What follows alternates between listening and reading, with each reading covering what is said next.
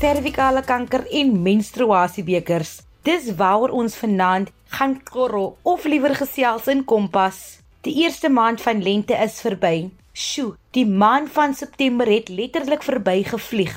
In September maand word daar bewusmaking geskep rondom servikale kanker en dit is hoekom ons vanaand hierdie onderwerp gaan aanpak. Candice Baron vat ons later op haar gesondheidsreis met die groot K. Ek het ook onlangs 'n gesprek gehad met iemand rondom menstruasiebekers. Ja, jy het reg gehoor, menstruasiebekers toe dink ek dit goed om daardie persoon Glenda Tut te nooi om ons meer hieroor te vertel en hoe sy aan die idee gekom het. Hallo en welkom by jou Vrydag aan Kompas kuier saam met my Christlyn Cias. Johnny J Davids het laat weet verlede week se program het hom nuwe hoop gegee en hy glo dat baie meer mans moet gesels oor hul geestesgesondheid. Kom gesels jy ook graag vanaand saam op 45889 teen R1.50 per SMS of tweet ons by ZARSG. Plaas gerus ook 'n inskrywing in die sosiale media. Onthou net om die hitsmerk Kompas RSG te gebruik. Kyk, Candice Baron is aldeer diepe waters met servikale kanker en moes groot besluite neem om haar lewensgehalte te verbeter. Maar laat sy haar eie storie kom vertel. Welkom hier by Kompas Candice. Candice, ek het gelees dat jy slegs 13 jaar oud was toe jy die dokter besoek het. Vertel ons kortliks wat jou rede vir hierdie besoek was en wat die dokter toe gesê het. Christlyn, die eerste keer toe ek ehm um, die dokter gaan besoek het, was ek ek het baie begin vloei van ek het my maandstonde begin op die ouderdom van 9, so um, dat dit redelik swaarder begin raak hoe ouer ek geword het. En um, ons het besluit van ek kon letterlik loop as ek my periods gehad het nie en of so jong ouderdom het my mal nou bekommerd geraak van ek gooi op of my bene is lam want ek het net so baie pyn gehad. Toe ons nou toe dokter toe gegaan. Die dokter het gesê nee, dit is normaal vir hom soveel pyn te, te hê met haar eerste periode, dit sal beter word so ouer sy word dit het so aangegaan vir 'n paar jaar waar ek dan toe uitgevind het ek het anemie ook. Dis baie vir 'n 13-jarige kind om alles in te neem. Hoe het jy hierdie nuus ontvang? Wat was jou gedagtegang? Ja, dit was so om in te neem vir 'n 13-jarige kind om die nuus te ontvang dat haar periods gaan nou maar nou so wees. Uh, so sy moet nou net daarin deel soos die beste soos sy kan. Pynpille was voorgeskryf. Dit was voorgestel dat ek met trifazel pil gaan op 13 jarige ouderdom.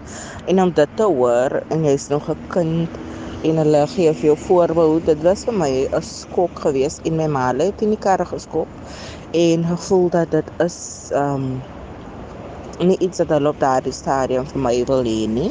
So ons het toe nou nie verder gegaan met die trifazelus manotori pynpille gebruik.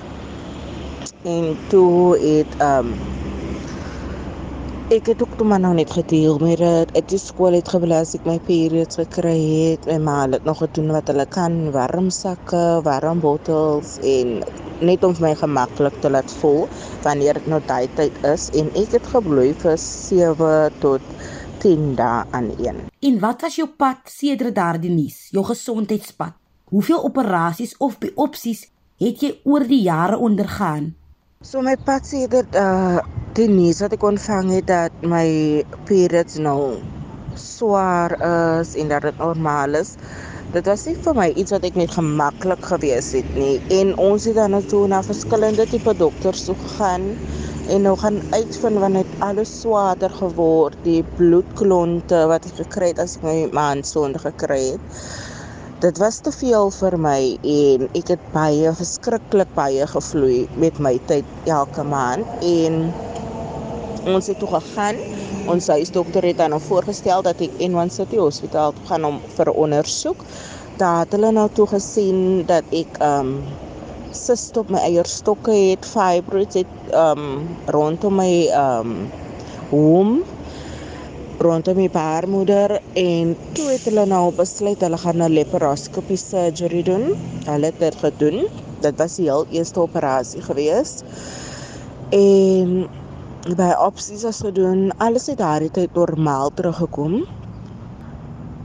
Toe laat ek 19 was het ek en ek my man ontmoet en ons het later probeer om swanger te raak ons kon toe nie ons het weer gegaan vir 'n paar operasies hulle het uitgevind dat ek um kanker in my cervix het en ook endometriose stage 4 wat al oral versprei het En die eerste diagnose was by die Kalbrema Hospitaal waar hulle vir my gediagnoseer het met PCOS. Ek was 'n PCOS behandel in plaas van endometriosis of enige verdere uh toetse was gedoen om te bevestig waarvoor hulle vir my eintlik moes behandel.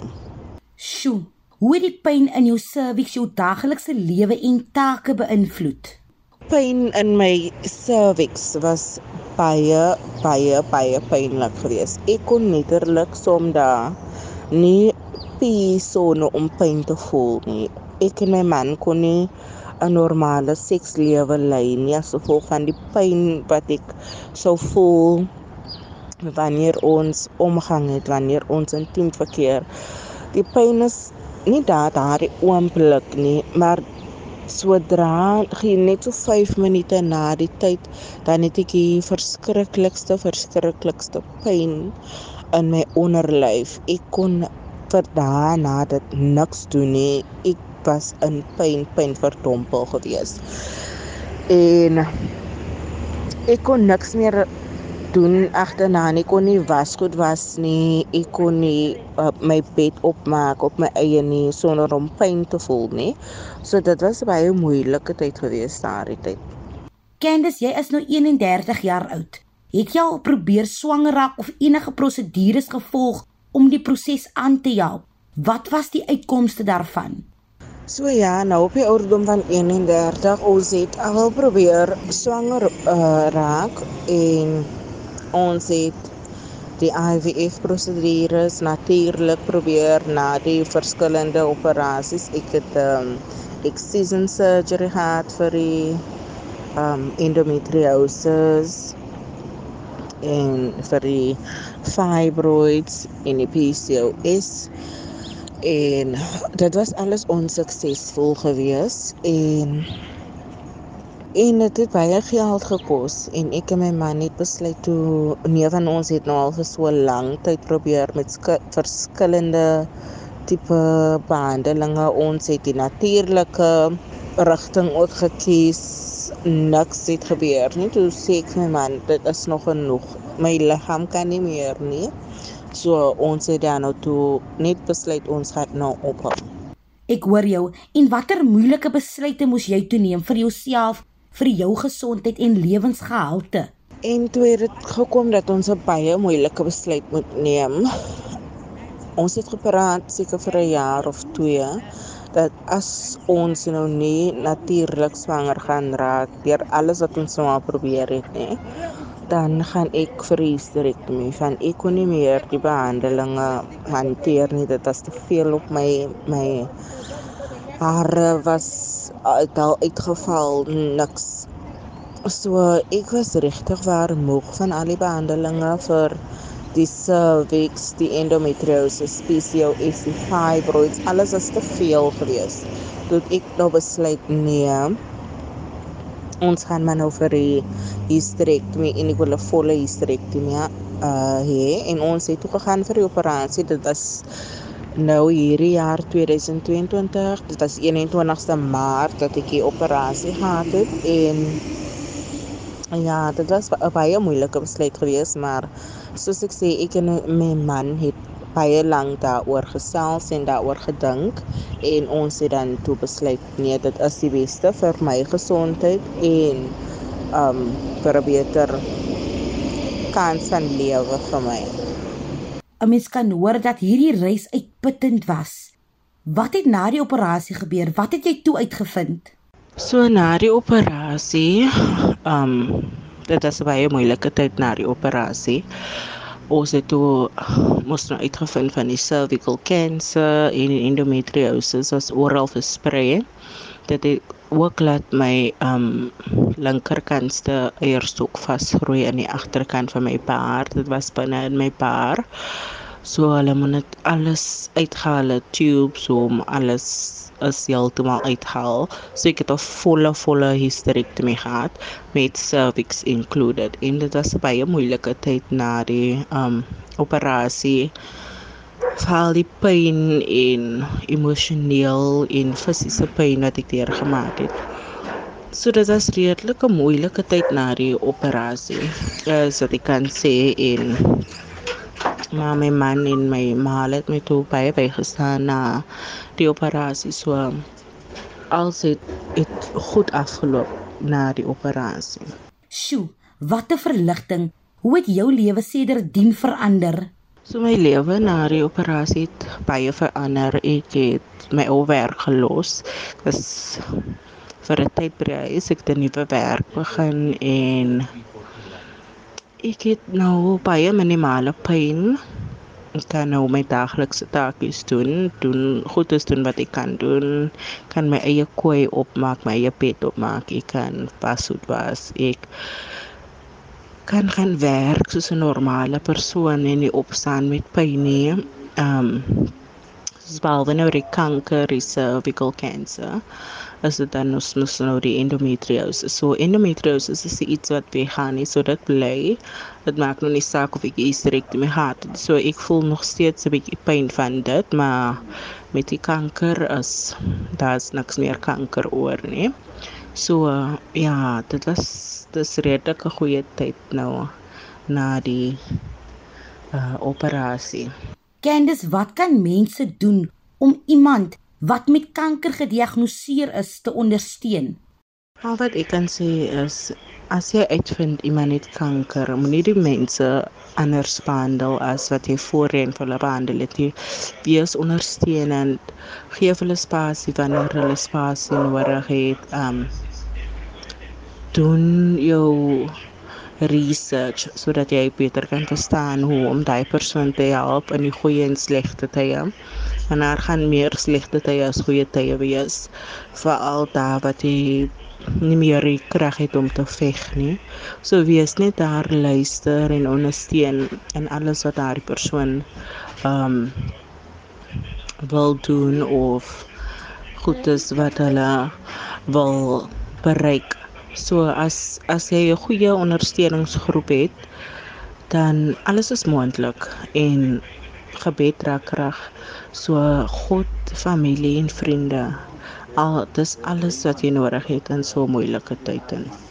Wat ek uit kennis se onderhoud neem is, partykeer is al wat jy vir iemand hoef te doen om daar te wees. Wees net daar om te luister, 'n skouer te wees, wees net teenwoordig Glenda Tut het haar besigheid Empower Menstrual Cup van stapel gestuur in 2008. Sedertdien het die besigheid van krag tot krag of liewer van menstruele koppie tot koppie gegaan. Lekker om jou hier te hê, Glenda. Hoe het jy jou besigheid Empower Menstrual Cup begin? Hoe is hierdie fantastiese idee gebore? OK ja, ek het die besigheid in 2008 begin en die rede hoekom ek dit begin in die very very beginning was ek is 'n single mom en ek kon nie produk afford nie. Ek het geen geld. Was onderwyseres. Ek was 'n single mom en die produk is baie baie duur as jy nie geld het nie. En 'n vriendin het vir my een gekoop. Dis dit kos R600 in 2006 baie baie duur en sy het van OC gekry en sy het vir my gegee en en sy het gesê jy het een van hierdie dinge nodig en ek het gesê o nee ek is nie dit dis nie so swaar nie vir my en 6 maande later het ek die die ding gebruik en dit het gewerk dit was amazing daar was nie smell dit was comfortable ek het geen geld spandeer en ek het was en ek was nee ek moet hulle hier maak vir al Suid-Afrikaans en um vroue van Afrika ook. En dis hoe ek hoe ek dit begin het. Ek het gesê ek het die besigheid in 2008 begin en ons was 'n mainstream business vir 14 jare en in April hierdie jaar het ons fonds gekry om 'n NGO te begin en ons is fully funded for this year to hand out 30,000 Empower Cups to women and girls. 60% van die vroue in ons country in South Africa kan nie produk afford nie. Hulle het maand af na maand na maand het hulle niks. En dis nie okay nie. Dit dit dit that that doesn't speak to empowerment. And you know, for women, it's not like condoms. Condoms are handed out free, but you have a choice. You don't have to have sex. We get our period, no matter what's going on. So that has to change, and we have to be handing these things out. Kan jy dan nou vir ons stap vir stap verduidelik hoe 'n mens 'n menstruasiebeker gebruik? Hier praat ek nou van die hande was gedeelte tot die einde. Die menstruasiebeker werk eintlik baie baie simpel jy maak jou hande skoon en dan is dit net 'n eenvoudige twee stap. Vou. Jy vou hom en vorm net nog een en plaas in. Dan draai jy hom net so bietjie om te check dat hy in is en dat hy hy oopgemaak is. En dan sit hy lekker. Dit leek nie. Dit is gemaak van sagte, gemaklike silicone rubber. Veilig om enige tyd te gebruik baie baie 'n deel van aktiewe lewenstyl en vir sport en ook as jy slaap. Alle alle vrouens weet as jy slaap dan is daar bloed op jou pyjamas en die sheets en nie met hierdie. Daar is natuurlik mense wat sal wil weet of hulle hierdie bekers kan gebruik indien hulle 'n maagd is. Wat het jy aan daardie mense te sê? Ons kry baie baie questions oor as 'n girl a virgin is, maar die menstruasiekalk sit laag in die vaginal kanaal. Dis nie so hoog as 'n tampon gaan. So it's completely safe for virgins and for quite young girls. We've had girls as young as 9 use it. Onthou dit is vervaardig van 100% mediese gehalte silikon. Dis baie baie safe. Dieselfde as um in die hospitaal, daai tubing en ICU tubing en catheters en en en so voort. Dieselfde uh, materiaal. Glenda, as ek byvoorbeeld daagliks 'n beker gebruik, hoe gereeld moet ek hierdie menstruasiebeker leegmaak? As jy byvoorbeeld daagliks 'n beker gebruik en hoe gereeld moet jy dit leegmaak? Ek weet nie of jy weet nie of ander vroue weet, maar 'n maxi pad it only holds 7 milliliters. 1 and a half teaspoons. Dis who tiny bit blood the maxi pad holds. So a menstrual cup that it holds three times as much. So you will learn your flow and when you need to change it. But you don't have to change it as often. Jy sit dit in in die môre as jy was en miskien volgende dag maak jy hom leeg. As jy nie 'n very heavy flow het nie of in die evening when you have a shower kan jy hom leeg maak. Glenda natuurlik moet ek vra, kan menstruasie koppies of bekers infeksies veroorsaak? Daar is geen um worry van infeksies, niks. Onthou dis met silikon gemaak. En silikon is baie baie safe for your body. So daar's nie daar's nie um en infeksies en en jy weet die die smell van die pad, dit is niks met 'n kap um dis baie comfortable, dis baie sag. Jy jy, jy voel asof jy nie jou period het nie. Niks, jy voel normaal, free, niks gaan aan. En hoekom sou jy vroue en dogters aanraai om hierdie soort bekers te gebruik? Almal, vroue en en die kinders moet 'n beker gebruik. Dit maak net sens. Jy hoef nie jy hoef nie enige iets te koop, net die een koppie lasts you indefinitely. Keep using it. You don't have to wash it or boil it. Jy kan hom baie lekker skoon maak met some warm water of net wipe met toilet paper. En dan sit jy hom in die sakkie wat jy kry met die menstrual cup en dan gooi jy hom in jou om in jou handsak en dan is hy gereed vir die next maand. Literally as simple as that. Saving the environment, saving your money, keeping your body safe it's literally a no-brainer. It makes a massive difference. In in as mense my ontmoet dan sê ek vir vir hulle your life is going to change. Just dit, dit sal nie dieselfde wees en en ek ek weet hulle kyk vir my en hulle is like ja ja ja. Maar as 'n as hulle Empower Cup gebruik, dan is hulle literally message en foon vir my en sê ek kan nie terug na pads toe gaan. Ek just kan nie, ek kan nie, kan nie almal moet 'n menstrual cup gebruik. Wonderlik. Glenda, indien mense meer oor jou besigheid wil weet, waar kan hulle gaan uitvind? Ons webwerf is www.empowercup m p o w e r c u p.co.za of ons is op Instagram @empowercupproject. En daar's baie op die Instagram wat vir jou um laat van menstruasie kalkuleer. Jy kan sien hoe hulle werk en die impak impak wat hulle het op die environment. Alles is, is op die Instagram. But also if you want to WhatsApp me, ask any questions, do a little bit of your own research, but it is an incredible product. Lieflik. Ek dink finansie program is een wat ons lekker opgevoed het oor onderwerpe waaroor ons nie regtig gesels nie. 'n Mens is nooit te oud om te leer nie en jy kan altyd iets nuut of lekker by 'n volgende persoon leer. Maak jouself oop vir leer en veranderinge. Jy het niks om te verloor nie. Fluit fluit. Christlyn se storie is amper uit. Indien jy enige van ons programme gemis het of net weer daarna wil luister, kan jy dit altyd aflaai op www.rsg.co.za.